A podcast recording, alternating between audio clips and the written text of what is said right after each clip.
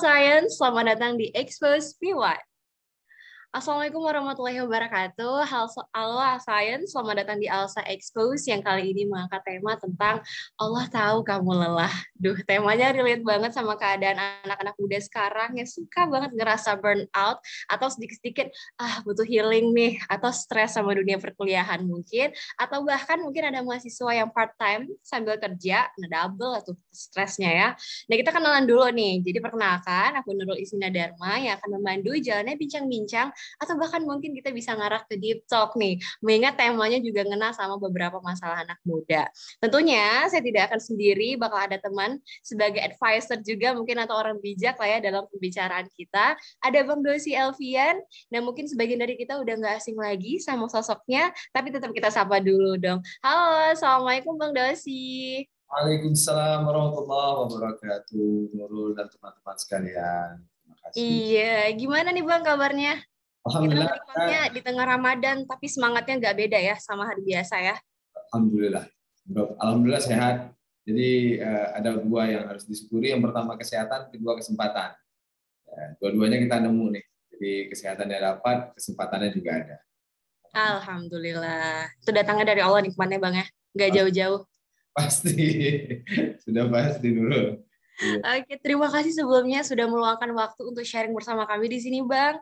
Oke, kalau kata orang itu tak kenal maka tak sayang. Jadi kita kenalan dulu boleh deh, Bang ya. Mungkin bisa kita iya mungkin bisa disebutin dulu namanya dan belakangan lagi sibuk apa. Ya, alhamdulillah terima kasih Nurul dan teman-teman sekalian. Perkenalkan saya Dosi Alfian. Aktivitas saya sehari-hari sebenarnya kalau pekerjaan itu sebagai produser di Kompas TV Biru Aceh di, sebagai seorang produser dan juga jurnalis ya tentu. Uh, dan aktivitas yang lain, saya juga ketua Asosiasi uh, Public Speaker Profesional Indonesia atau IPSA namanya, melaksanakan uh, certified untuk public speaking. Jadi kalau teman-teman mau public speakingnya di sertifikasi, nah, bisa bersama kita.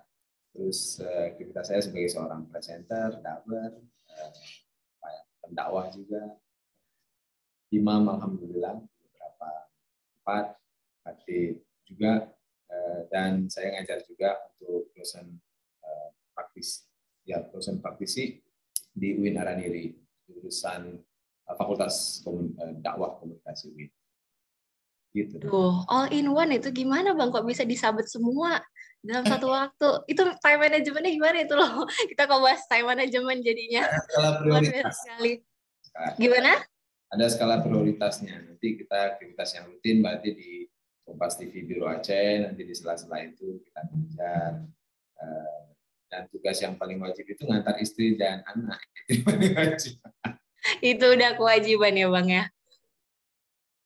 Oke, nah kali ini kan kita bawa tema tentang Allah tahu kamu lelah. Nah, mungkin bakal relate banget sama kita kita yang lagi stres. Ini lebih relate ke anak muda sih bang, ke sebaya-sebaya Nurul atau teman-teman sepantaran lainnya yang capek mungkin sama keadaan yang gini-gini aja, atau mungkin yang lagi hektik, atau mungkin yang hampir nyerah karena nggak sanggup sama cobaannya. Gimana nih pendapat Bang Dosi tentang tema kita? Oh, menarik sekali Nurul. Memang ya kita pasti dicoba. Kalau dalam Al-Quran itu saya buka dengan eh, surah Al-Baqarah ya.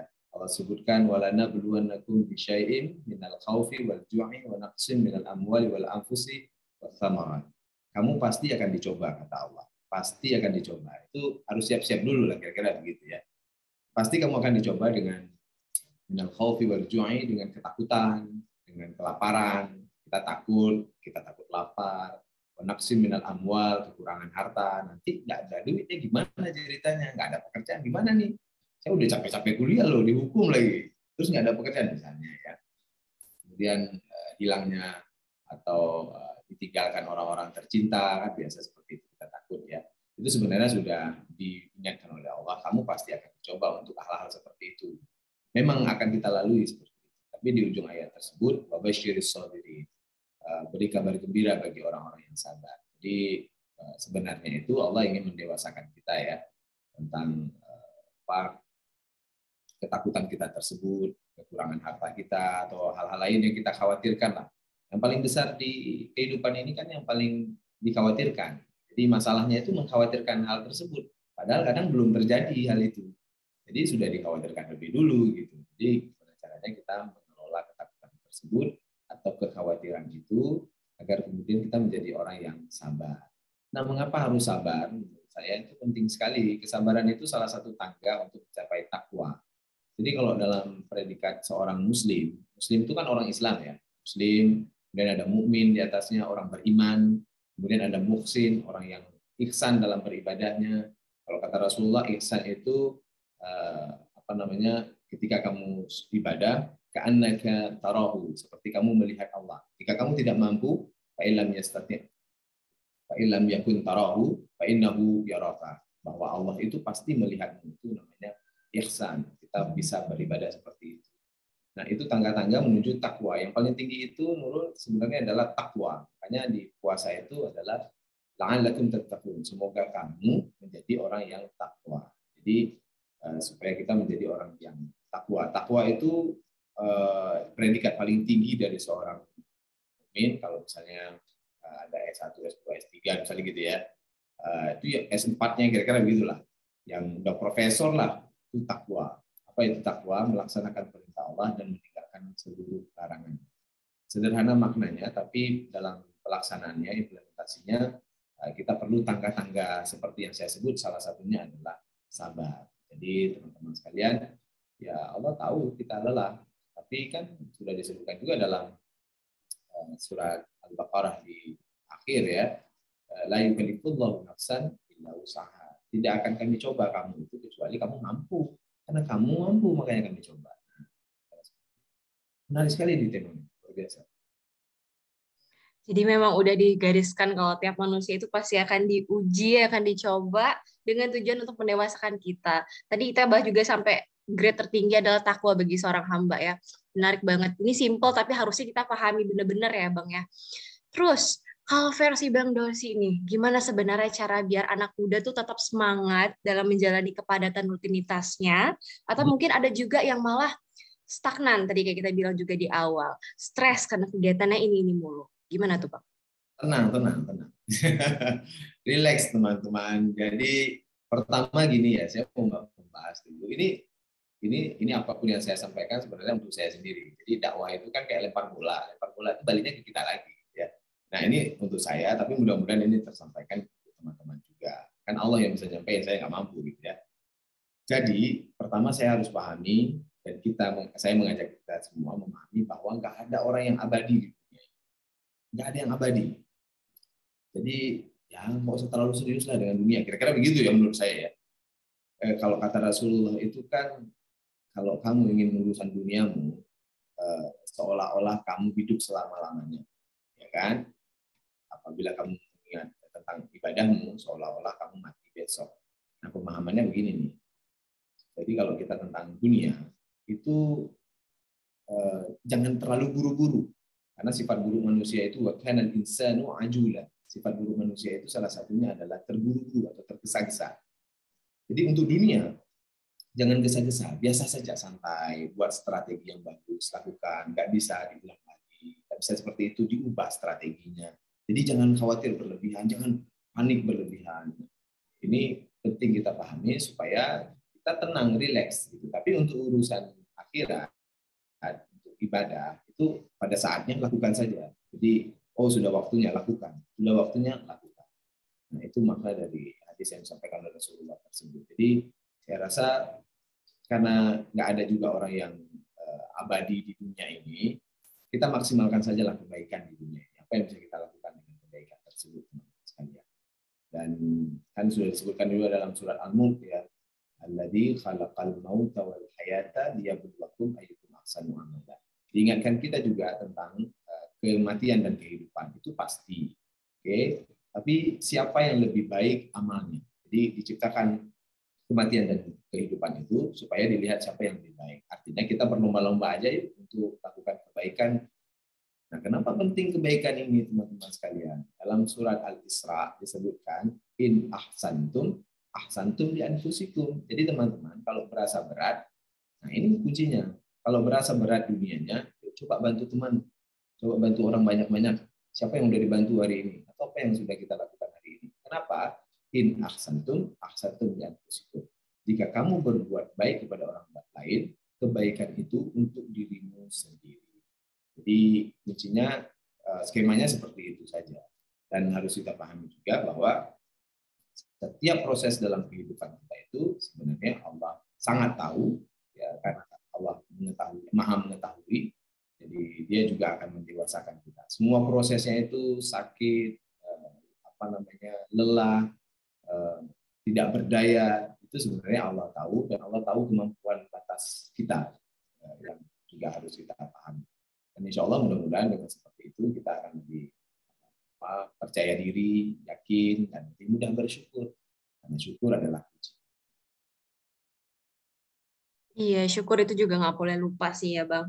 Kuncinya adalah genggamlah dunia secukupnya, jangan panik dan overthinking sama masa depan. Nih yang paling sering kejadian sama anak muda nih. Padahal belum kejadian Bang, tapi udah dipikir, aduh ntar masa depannya gimana, jadi apa, kalau gak banggain ibu ayah itu gimana. Padahal belum kejadian kan Bang ya. Tapi untuk hal ibadah, jadikanlah sebagai sesuatu yang abadi. Terus jangan lupa, kuncinya kalau merasa dunianya udah stagnan, coba tingkatin imannya. Ini kadang kita juga miss dalam pelaksanaan sih. Pada penting ya Bang Dosi ya. Allah, nanti. Gini nih. Ada, ada guru saya yang ngajarin seperti ini. Dosi, nah, saya gitu, saya gitu tuh. Dos. Nah, um, jangan terlalu lama mikirin masa lalu kata dia. Terus jangan terlalu jauh mikirin masa depan. Kita tuh makhluk sekarang kata dia. Sekarang tarik nafas, coba tarik nafas teman-teman, tarik nafas hela nafasnya atau uh, lepaskan nafasnya dan ucapkan alhamdulillah Allah. Alhamdulillah enak sekali. Bahkan saya dapat quote tuh hari ini. Ini saya baca aja deh quote-nya ya. Bagus sekali teman-teman sekalian. Ini saya dapat dari teman saya. Kita bolehlah berbagi. Teman saya tadi lagi apa kayak catatan gitu quote. Dan saya bacanya juga luar biasa. Nah saya baca jika engkau punya tempat tidur malam ini di malam teman-teman punya tempat tidur, kemudian ada makan, bisa sholat dan ngaji bersama keluarga, ya masih punya keluarga, alhamdulillah walaupun nggak sempurna mungkin, eh, bisa bercengkrama dengan mereka, kemudian teman-teman menikmati itu, maka engkau sungguh kaya raya. Alhamdulillah, ala kulihat.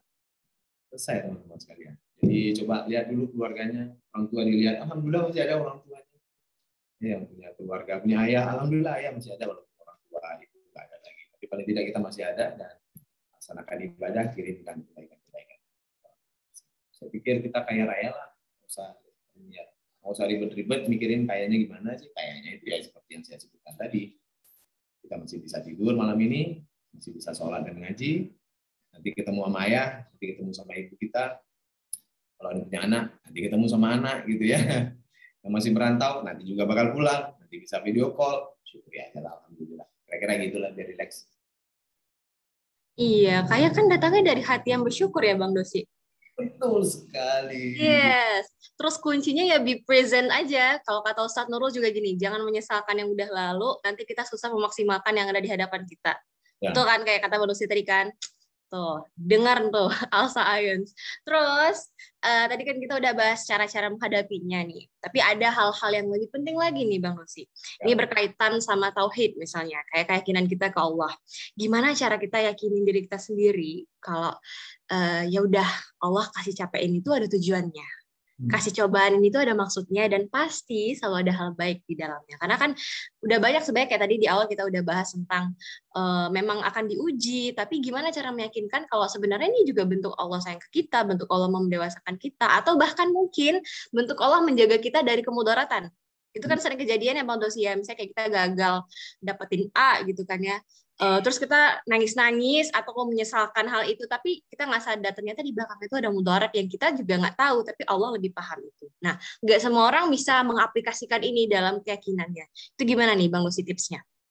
Hmm, baik. Teman-teman sekalian jadi harus kita sangat pahami ya ada ayat Al-Quran bunyinya seperti ini. Laqad khalaqnal insan wa na'lamu ma tuwaswisu bihi nafsu wa nahnu aqrabu ilaihi min hablil ini maknanya dalam sekali ya. Jadi sungguh kami yang menciptakan manusia, kata dia, saya, teman-teman sekalian, itu Allah yang ciptakan. Tidak ada Tuhan lain kecuali Allah, gitu kan. Dan kami tahu bisikan hati mereka. wa nahnu Walaqad khalaqnal insan wa na'lamu ma tuwaswisu bihi nafsu. Kami tahu bisikan hati mereka. Wa nahnu aqrabu ilaihi min hablil warid. Kami jauh lebih dekat daripada urat lehernya. Ini kan uh, peringatan Allah yang luar biasa ya. Allah itu lebih dekat daripada urat leher Anda sendiri, termasuk saya juga. Saya pegang urat leher di sini, Allah jauh lebih dekat daripada itu dengan kita. Bahkan jauh lebih seperti apa yang kita perasakan. Makanya kemudian disebutkan dalam hadis jika engkau datang kepada aku berlari oh, maaf berjalan aku datang kepadamu berlari jika engkau datang kepada aku berlari aku lebih dekat daripada urat leher. Ini maknanya dalam sekali. Nah di dalam hadis kursi juga disebutkan bahwa uh, ana inda dhanni abdi aku bagaimana prasangka hamba. Nah ini menarik sekali teman-teman sekalian. Teman-teman Allah itu ber, uh, Eh, apa namanya baik kepada teman-teman berprasangka baiklah kepada Allah.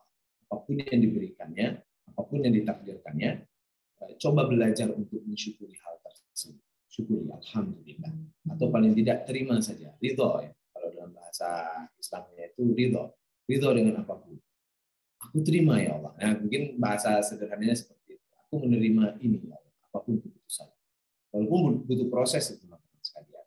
Kita nggak bisa serta merta ketika dapat musibah langsung seperti itu. Tapi cobalah belajar bahwa sedikit demi sedikit kita harus ridho dengan segala eh, apa keputusan Allah tersebut.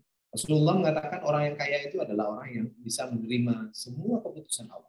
Jika Anda terima keputusan Allah apa pun itu, ya baik buruknya itu akan menjadi apa orang apa berasa kaya. Kita sangat kaya seperti itu yang disebutkan oleh Rasulullah SAW.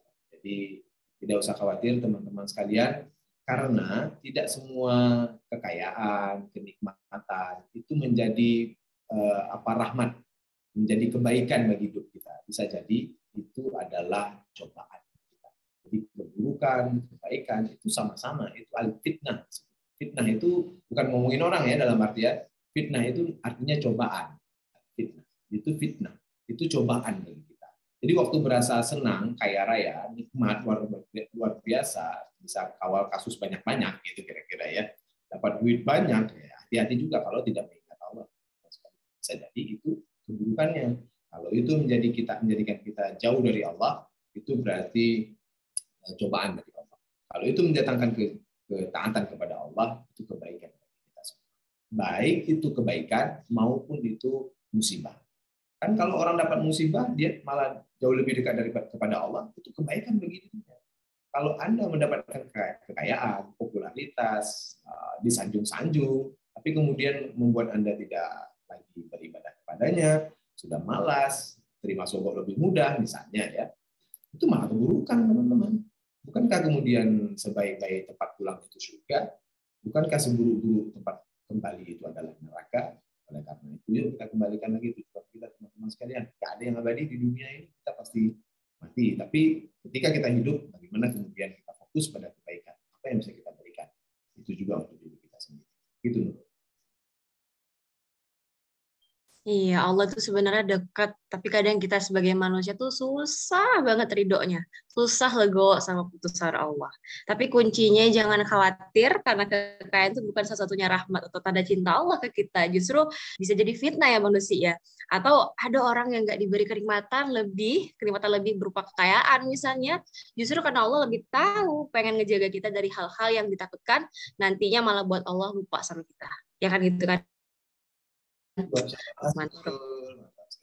iya, terus Bang Dosi nih, di awal tadi kita kan uh, Nurul udah mention juga kalau anak muda zaman sekarang tuh capek sedikit, aduh butuh healing.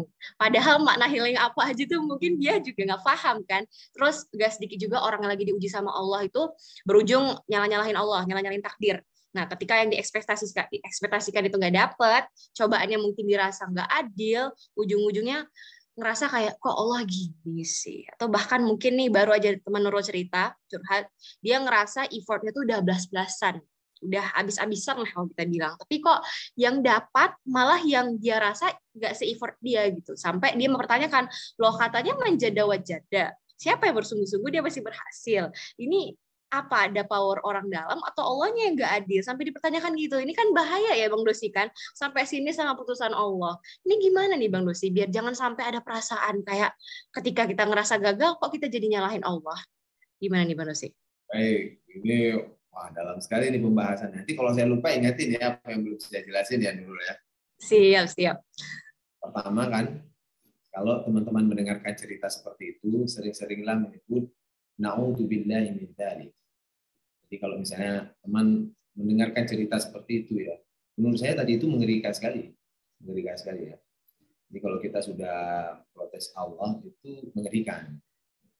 Jadi sekali itu. Jadi na'udzubillahi min dzalik. Apa artinya? Na'udzubillahi min dzalik artinya adalah kami berlindung kepada Allah atau aku berlindung kepada Allah atas segala sesuatu yang seperti diceritakan tadi Berlindunglah pada seperti itu. Jadi kalau mendengar cerita seperti itu, alhamdulillah ya Allah lindungilah saya dari hal seperti itu supaya bukan saya yang seperti itu. Jadi teman-teman sekalian jangan pernah seperti itu. Alhamdulillah Allah yang menciptakan kita, Allah pula yang kemudian mencukupkan kita. Ini saya tanya teman-teman usianya berapa sih masing-masing sekarang? Uh, ini kita ada yang 21, ada yang 20, ya sekitar segitu lah sih. 20, 21 teman-teman Allah jamin rezekinya 20 tahun yang lalu sampai sekarang. 21 tahun Allah jamin masih hidup. Nggak dibiarin begitu. Coba teman-teman dikasih orang tua yang nggak peduli misalnya. Kan bisa aja takdir Allah itu bebas. Allah maha kuasa dia yang ciptain kita. Bayangin kalau teman-teman punya boneka hidup gitu ya. Teman-teman bisa lempar nggak dia? Lempar aja kalau mau kan gitu. Teman-teman eh, mau bakar dia bisa aja kan boneka saya yang buat kira-kira begitu. Tapi Allah maha kasih maha sayang teman-teman sekalian, 21 tahun yang lalu, dari hari pertama sampai sekarang dijamin masih hidup, masih bisa kuliah, masih semuanya, masih bisa hirup udara dan segala macam.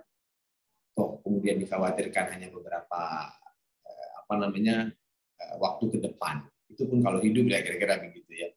Ini sekarang teman-teman coba mikir ya apa yang sudah diberikan oleh Allah, apa yang sudah dinikmati, apa yang sudah kita nikmati saat sekarang ini Tadi ada di sini juga tentang healing ya. Healing itu kan penyembuhan dalam istilah psikologi. Jadi teman-teman menggunakan kata healing hati-hati juga berarti teman-teman sakit gitu. Kalau perlu healing itu kalau di bahasa apa namanya bahasa penyembuhannya kan rehabilitasi ya. Kenapa saya tahu rehabilitasi? Karena juga saya pemateri di rumah rehab, rumah rehab itu rehabilitasi narkoba. Di alhamdulillah setiap minggu saya kasih materi untuk teman-teman Mereka betul perlu healing teman-teman sekalian. Karena mereka dalam ganggu apa namanya pengaruh uh, narkoba bahkan sarafnya sudah terganggu gitu ya. Jadi healing itu penyembuhan. Kalau teman-teman perlu penyembuhan ya bisa boleh-boleh juga penyembuhan dalam artian uh, menikmati suasana ya supaya lebih rileks, santai kira-kira begitu. Tapi tidak usah jauh-jauh menurut saya kalau healing teman-teman sekalian. Kalau teman-teman mau healing supaya mudah bersyukur lihat keluarga kalau lihat keluarga nggak bisa bersyukur, saya nggak tahu bilang apa lagi. Keluarga itu anugerah terindah yang diberikan oleh Allah SWT. Dekat dengan kita setiap hari dilihat. Kalau ketemu sama orang tua, teman-teman nanti kan punya, udah berkeluarga belum ya? Belum ya?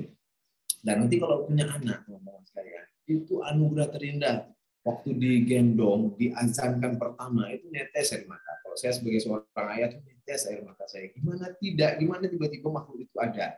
Nah, teman-teman, saya rasa bagi orang tuanya itu anugerah yang sangat indah. Kalaupun diminta nyawa diganti, diganti sama orang tua. Cuman dia nggak bisa, mungkin tidak semua orang tua bisa mengungkapin. Tapi yakinlah teman-teman, orang tua itu sayangnya subhanallah. Dengan orang tua yang begitu sayang itu nggak bisa disyukuri juga, saya nggak tahu bilang apa lagi. Syukurilah orang tua. Orang-orang terdekat kita. Kalau masih ada nenek, syukuri neneknya. Alhamdulillah masih ada. Kalau ada orang tua, masih ada oh nggak ada lagi uh, satu orang, ah, syukuri yang satu orang lagi yang tinggal masih bersama kita. Jadikan itu ajang ibadah bagi kita, ya kan? Kalau kita sama anak, apa pun modelnya kita terima, teman-teman. Rewel teman-teman dulu diterima juga. Bandel, pipis, pup, asal asal enak dia gitu, minta apa aja, diusahakan juga di, diadakan, gitu ya. Itu kan itu kan anugerah Nah, sekarang kebalikannya misalnya, kalau lah teman-teman yang mengurusi orang tua, terima apa pun modelnya teman-teman sekalian. Dulu dia nggak protes ke teman-teman gimana, segala macam. Alhamdulillah, apalagi kalau teman-teman dapat orang tua itu peduli, sayang, gitu ya. Itu nikmat Allah yang luar biasa. Jadi syukurilah itu teman-teman sekalian supaya supaya rileks urusan kita. Kalau di keluarga, kok Rasulullah kan baiti jannati, keluargaku adalah surgaku. Caranya supaya teman-teman rileks untuk dunia ya. Eh, jadikan keluarga sebagai eh, surga. Kalau teman-teman sudah bahagia di keluarga, teman-teman sekalian, dunia di luar sana akan lebih bahagia, akan mudah teman-teman bahagiakan. Tapi kalau rusak di keluarga, teman-teman akan ya chaos semuanya lah. Pekerjaan nggak enak, ini nggak enak, ketemu teman juga nggak enak, kacau dia semua, kacau ya, hancur dia semuanya. Nah, mulai seperti itu. Jadi kalau misalnya ingin mengembalikannya, ingin memperbaikinya, mau healing, healing bersama keluarga aja teman-teman. Ya keluarganya alhamdulillah. Kalau kata sepas eh, salah satu eh, selebgram di eh, Instagram itu kan mengatakan sebaik-baiknya berpuasa, berbuka puasa dan sahur adalah bersama keluarga. itu kan quote yang cukup menarik ya. Jadi memang kita diingatkan kembali bahwa keluarga itu kuncinya. Keluarga itu kuncinya teman-teman Oh belum bagus keluarga keluarganya gimana caranya? Yuk kita perbaiki apa kesalahan kita yang membuat keluarga nggak nyaman seperti itu. Atau apa strategi kita? Nggak mampu juga saya kasih eh, tekniknya. Kalau teknik dalam kehidupan itu dia namanya tawakal. Tawakal. Sering sekali orang memahami tawakal itu penyerahan diri saja apa adanya kepada Allah. Bukan seperti itu, jangan sampai keliru teman-teman. Tawakal itu kolaborasi dua hal. Kolaborasi dua hal. Tawakal kolaborasi dua hal antara doa dan usaha. Jadi doa dan usaha. Kenapa saya sebut doa pertama sekali? Jangan taruh doa di belakang sekalian. Taruh doa itu di depan, bukan di belakang. Jadi sebelum melakukan sesuatu, apa pun strategi teman-teman, apa pun usaha yang teman-teman sudah ulang-ulang berkali-kali, taruh doa di depan. Doa dulu kepada Allah, baru action. Jangan action setelah itu doa. Protes jadinya seperti yang diceritakan Nurul tadi. Aku sudah melakukan apa pun nih ya Allah. Tinggal doa kepadamu. Jika engkau pun tidak mengabulkannya, ya gimana sih nggak mau terima? Nah? Jadi doa di depan teman-teman. Serahkan seluruhnya urusan kepada Allah. Setelah itu baru kita laksanakan. Jadi sama mirip Nurul seperti kita masuk surga lah, saya rasa. Kalau nanti masuk surga teman-teman, mungkin di antara teman-teman masuk surga nanti. Amin ya. Uh, karena saya kan jauh lebih tua, jadi mungkin banyak dosanya. Teman-teman kan sedikit dosanya. Kalau teman-teman nanti masuk surga, itu masuk surga bukan karena amal masuk surga kita itu karena eh, rahmat Allah. Jadi Allah sayang dimasukin ke surga. Kalau amal kita, amal kita ngawur, banyak ngawurnya. Sekali Allahu Akbar, tiba-tiba udah ke Jakarta pikirannya, tiba-tiba udah ke Sigli, tiba-tiba ke kampus. Itu dosen gimana sih ceritanya? Ah, udah model seperti itu. Gimana caranya itu menjadi apa eh, syarat untuk bisa masuk surga kan mustahil. Karena Allah sayang lihat kita bersungguh-sungguh mungkin akan dimasukkan surga. Seperti itu juga rezeki teman-teman sekalian. Kalau dari usaha teman-teman sebenarnya nggak cukup syarat untuk kasih rezeki atau kasih dikasih uang lah kira-kira sama Allah. Tapi karena Allah sayang, makanya Allah bilang Allah yang memberikan rezeki min haitsu la yahtasib dari jalan-jalan yang tidak diketahui. Teman-teman, lakukan saja aktivitas apa pun, ide, gagasan dan segala macam secara maksimal, ya kan? Tapi jangan lupa ingat bahwa Allah sebaik-baik Allah yang memberikan rezeki. Kalau ditakdirkan sama Allah, alhamdulillah. Kuncinya balik lagi seperti tadi. Ana inda dhanni abdi Aku bagaimana perasaan hambaku. Jadi dalam melaksanakan segala sesuatu, laksanakan secara maksimal, diawali dengan doa, laksanakan secara maksimal, dan berprasangka baiklah kepada Allah. Saya yakin akan berubah. Jadi jangan asal menyebutkan healing ya Bang. Padahal healing itu kan deket gampang. Pulang aja ke rumah ketemu keluarga. Atau bahkan kayak Nurul pribadi juga healingnya gampang. Nyetrika aja. Yang kusut-kusut kepala tuh jadi rapih tuh kalau nyetrika tuh. Segampang itu sebenarnya. Iya kan nggak mesti ngeluarin uang gede. Mm -mm. saya ke Sabang kemarin ya kan berapa waktu yang lalu sama ACT ya dan juga saya di sana. Jadi saya bersama uh, kepala ACT Sumbagu waktu itu Sumatera Utara bagian Sumatera bagian utara. Waktu ke Sabang dia keluar dari kantor wali kota itu langsung lihat laut kan. Di depannya itu kan ada taman kemudian ada laut kan indah nampak lautannya. Dia bilang Aceh ini luar biasa. Keluar sedikit kita langsung indah gitu ya. Terus sampai di pelabuhan juga dia bilang gitu masya Allah indah sekali ini kata gitu kan Kalau kita sudah jalan-jalan seperti ini di Aceh dengan lautnya yang indah dan segala macam, tapi nggak bisa nyembuh juga healingnya gitu ya, tidak dapat penyembuhan juga, sepertinya Anda lagi pening gitu dibilang. Jadi, aduh, jadi kalau nggak bisa udah healing juga nggak nggak sembuh gitu ya berarti anda lagi pusing atau atau pening gitu.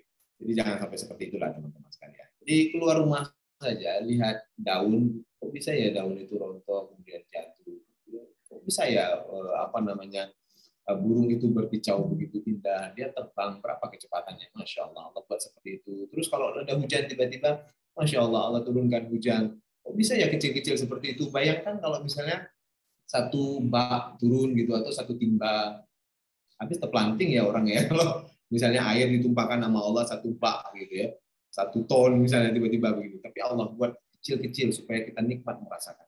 Bayangkan itu Allah buat ya. Gimana cara ceritanya? Kemudian oksigen Allah buat. Kan banyak ya nitrogen oksigen di di apa di, di bersama kita ini. Tapi Allah buat begitu sempurna. Kenapa nggak atmosfer itu diturunkan ke, ke dasar ini, kemudian kita pada terbakar semuanya? Tidak, Allah buat keseimbangan, balance yang luar biasa, keseimbangan alam ini untuk siapa? Untuk khalifah di muka bumi. Itulah kita. Kita menikmati semua hal dan kita menjadi apa namanya uh, puncak rantai makanan kan? Kita menjadi khalifah di muka bumi ini. Kita tidak ada lagi memangsa kecuali kita sendiri yang memangsa diri kita. Nah, oleh karena itu yuk kita syukurilah teman-teman sekalian supaya kehidupan kita insya Allah lebih nikmat. Siap. Kuncinya biar jangan ada rasa sini sama Allah tadi jangan lupa bersyukur. Tadi kita juga udah bahas tawakal yang sering kita disalah pahami nih. Padahal kombinasi doa dan ikhtiar itu adalah best combo. Jadi yakini dan percayakan semuanya itu Allah yang ngasih dan itu yang paling terbaik. Kita masuk ke pembahasan terakhir nih Bang Dosi. Ada hal yang lebih esensial lagi. Iya, ada hal yang lebih esensial lagi yang sekarang marak-maraknya di tengah anak muda itu isu mental health. Ada yang bilang mental health anak muda zaman sekarang tuh cetek. Di mob sedikit bawa-bawa, wah ini negative vibes, toxic relationship mungkin antar anak dan orang tua sendiri atau mungkin body shaming dan lain sebagainya. Ada juga yang bilang, ya sebenarnya bagus, karena tandanya anak muda sekarang udah lebih aware sama kesehatan mental yang harusnya uh, ini bikin kita lebih hati-hati lagi dalam bertindak. Gimana nih pandangan Bang Dosi sama isu mental health yang sampai sekarang ini masih digaungkan sama kaum milenial? Ya, ya dalam ilmu psikologi ada istilah mental health, ya mental health ya. Jadi itu uh, bagus sih menurut saya nggak bagus juga untuk sebagai pengingat bagi kita semua. Jadi eh, apa ya? Sederhananya saya mengatakan seperti ini. Jadi kalau anda ingin sehat jiwanya, gitu ya. Jadi perbanyaklah kebaikan disebar kepada orang supaya teman-teman itu lebih sehat mental. Eh, salah satu hal yang membuat eh, ya, seperti yang disebutkan tadi ya, body shaming misalnya, berkata kasar, mudah baik pada orang lain kan bisa kena mental orangnya gitu ya. Umat ini perkataannya kena mental gitu ya kan ada istilah-istilah sekarang ya. Jadi itu mengingatkan kita. Istilah-istilah seperti ini juga mengingatkan kita bahwa berhati-hatilah dalam berinteraksi teman-teman sekalian. Jadi jaga juga perasaan orang lain kenapa seperti itu Rasulullah Shallallahu Alaihi Wasallam bersabda, "Man kana yu'minu billah wal yaumil akhir, falyakul khairan aw liyasmut." Kalau Anda beriman kepada Allah dan hari akhir, maka berkata baiklah. Atau kalau tidak mampu, diam saja lah. Usah ngomong, kira-kira ya. Jadi supaya apa? Supaya interaksi kita bagus, teman-teman sekalian. Satu lagi, Rasulullah juga mengatakan eh, kalimat thayyibah sadaqah. Kalimat kebaikan atau perkataan baik itu adalah sedekah Jadi berkata baiklah, yuk teman-teman. Jadi interaksinya interaksi baik, perkataan-perkataan baik, ya. Supaya kita nggak kena eh, apa mental orang nggak kena gitu. Nggak merusak mental orang lain.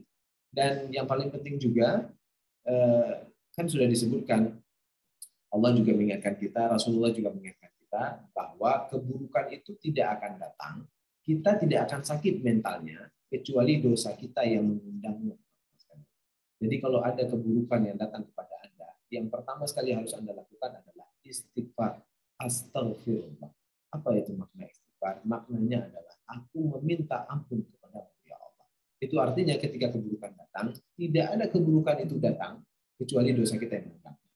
Fokus teman-teman sekalian. Jadi gini, kalau misalnya ada orang yang merusak mental kita, itu tidak datang kecuali dosa kita. Jadi yang harus kita lakukan, Allah mengingatkan kita, yuk perbaiki ibadahmu. Supaya keburukan itu minim, minim. Kita bisa meminimalisir keburukan datang kepada kita dengan ibadah kita. Lakukan ibadah, teman-teman. Ah, ibadah itu ada ibadah makhluk, ibadah langsung kepada Allah seperti sholat, zakat, puasa, haji, tapi ada juga kebaikan-kebaikan lain yang juga merupakan ibadah yang disebut dengan rumah selain ibadah langsung kepada Allah. Jadi semua kebaikan lakukan saja, itulah yang kemudian eh, menolak bala datang kepada kita.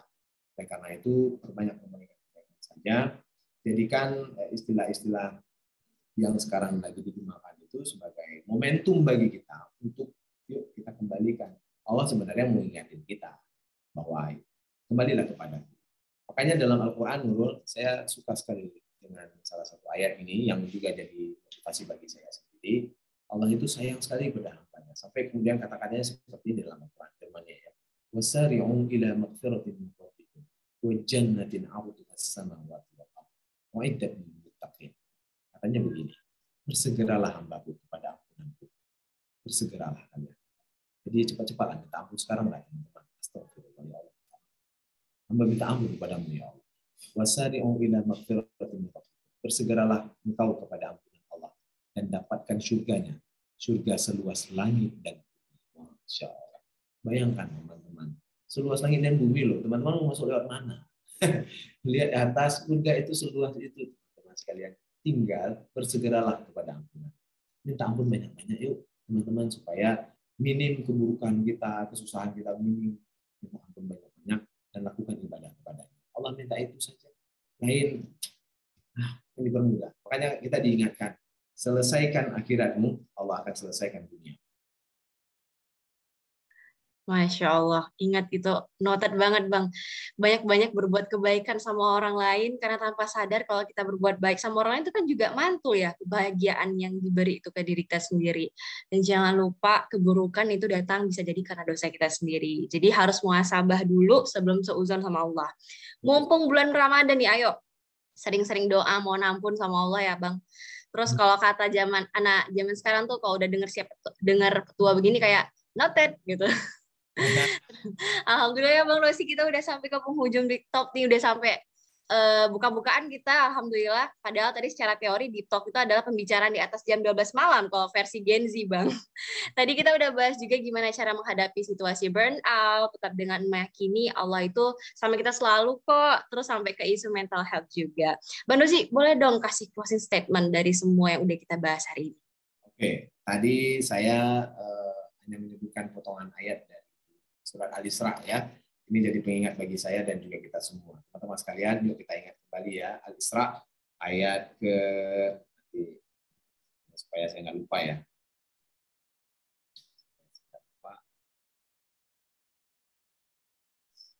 Pokoknya salah pula saya kasih. Oke, surat Al-Isra ayat ke-7. Jadi dibuka saja teman-teman. Sekalian baca makna. Jadi kalau teman-teman baca Al-Quran, eh, baca ya. Kalau yang tidak bagus baca Al-Qurannya, yuk belajar baca Al-Quran, teman-teman. Tidak ada petunjuk yang lebih indah kecuali Al-Quran dan Sunnah Rasulullah SAW. Kalau bisa saya bacanya, apa yuk belajar, belajar kita ingin bacanya. Kemudian baca maknanya. Jangan lupa baca maknanya. Sempatkan kita untuk baca maknanya. Waktunya sedikit. Al-Isra ayat ke-7. In ahsantum ahsantum di anfusikum. Jika kamu berbuat baik, kebaikan untuk dirimu sendiri. Teman-teman mau baik kehidupannya, banyak-banyak buat baik aja teman-teman sekalian. Mau lancar usahanya, nanti kuliahnya biar lancar, kemudian dapat kerja yang mudah, kasih baik-baik aja nih selama kuliah nih apa yang bisa saya berbuat baik sama teman-teman, terutama sama keluarga ya. Tapi kalau bermasalah sama keluarga, keluarga aja bermasalah, apalagi orang lain itu selesai sudah. Saya nggak mau, saya udah angkat tangan ya kira-kira begitu. Keluarganya diberesin dulu teman-teman. Berbuat baiknya yang paling utama itu adalah bersama keluarga. Perbaiki keluarganya. In ahsantum ahsantum di Kalau kamu berbuat baik, kebaikan untuk dirimu sendiri. Yang kedua, lanjutan ayat tersebut, wa in asatum falaha. Jika kamu berbuat buruk, maka keburukan juga akan datang kepada Selesai, teman-teman. Rumusnya seperti itu saja. Jadi jangan pernah berbuat buruk, jangan pernah menyakiti orang lain. Kalau menyakiti teman-teman, ini Idul Fitri sebentar lagi, minta maaf kepadanya. Tapi jangan minta maaf ya. Maaf ini, aku udah minta maaf nih. Jangan gitu. Minta maaf, aku minta maaf. Betul. Insya Allah, demi Allah aku minta maaf. Mohon maaf atas segala kekuranganku. Mohon maaf atas segala ucapanku dulu. Aku ingin berubah. Maafkan aku. Jika dia tidak memaafkan, itu urusan Allah teman-teman sekalian. Jadi, wa in asatum falah. Jika engkau berbuat buruk, maka keburukan itu juga untuk dirimu sendiri. Jadi, na'udzubillah teman-teman. Kalau ada pernah berbuat buruk, minta maaf kepada orang tersebut, minta ampun kepada Allah. Jangan minta ampun aja kepada Allah, karena urusan manusia ke manusia. Selesai, ya gitu. Jadi harus minta ampun kepada orang lain. Dan setelah itu, perbaiki kehidupan kita lebih baik. Lebih banyak kebaikan, saya sangat yakin Allah akan siapkan kebaikan. Entah seperti apa model yang masing-masing kita akan merasakan. Insya Allah, kita akan kembali bekal kebaikan. Ingat teman-teman sekalian, tidak ada orang yang abadi di sini dan tidak ada yang mau berlama-lama juga di sini. Jadi oleh karena itu di sisa waktu kita ini kita manfaatin aja mau kebaikan, banyak-banyak aja, kreatif aja, ya kan, buat konten yang baik aja, eh, apalagi produktif aja, buat apa lagi, apa lagi, apa lagi, terus aja, karena Allah memberikan apa anugerahkan otak kita ini sesempurna sempurnanya penciptaan. Dalam surat Atin disebutkan laqad khalaqnal insan fi ahsani taqwim. Sungguh kami ciptakan manusia itu dengan sebaik-baik penciptaan. Masya Syukuri tubuh kita aja. Masya Allah, Alhamdulillah. Terima kasih banyak Bang Dosi untuk sesi bincang berujung TikTok. Kita di, di talk pagi-pagi nih Bang. Semoga apa yang udah disampaikan jadi berkah dan bermanfaat bagi Al Science yang mendengarkan. Biasanya orang dengar podcast ini sambil nyetrika, bebersih, atau di waktu luang lainnya. Selamat menjalankan ibadah puasa juga Bang Dosi. Udah mau deket lebaran juga, mohon maaf lahir dan batin. Selamat berkumpul dengan keluarga dan semoga selalu diberkahi. Terima kasih untuk uh, mendengarkan sudah mendengarkan podcast uh, ini Al Science dan untuk closing Mbak Nosi kita pakai SOP dulu boleh ya? Oke, satu, dua, tiga. Alsa. Always, Always one. Terima kasih.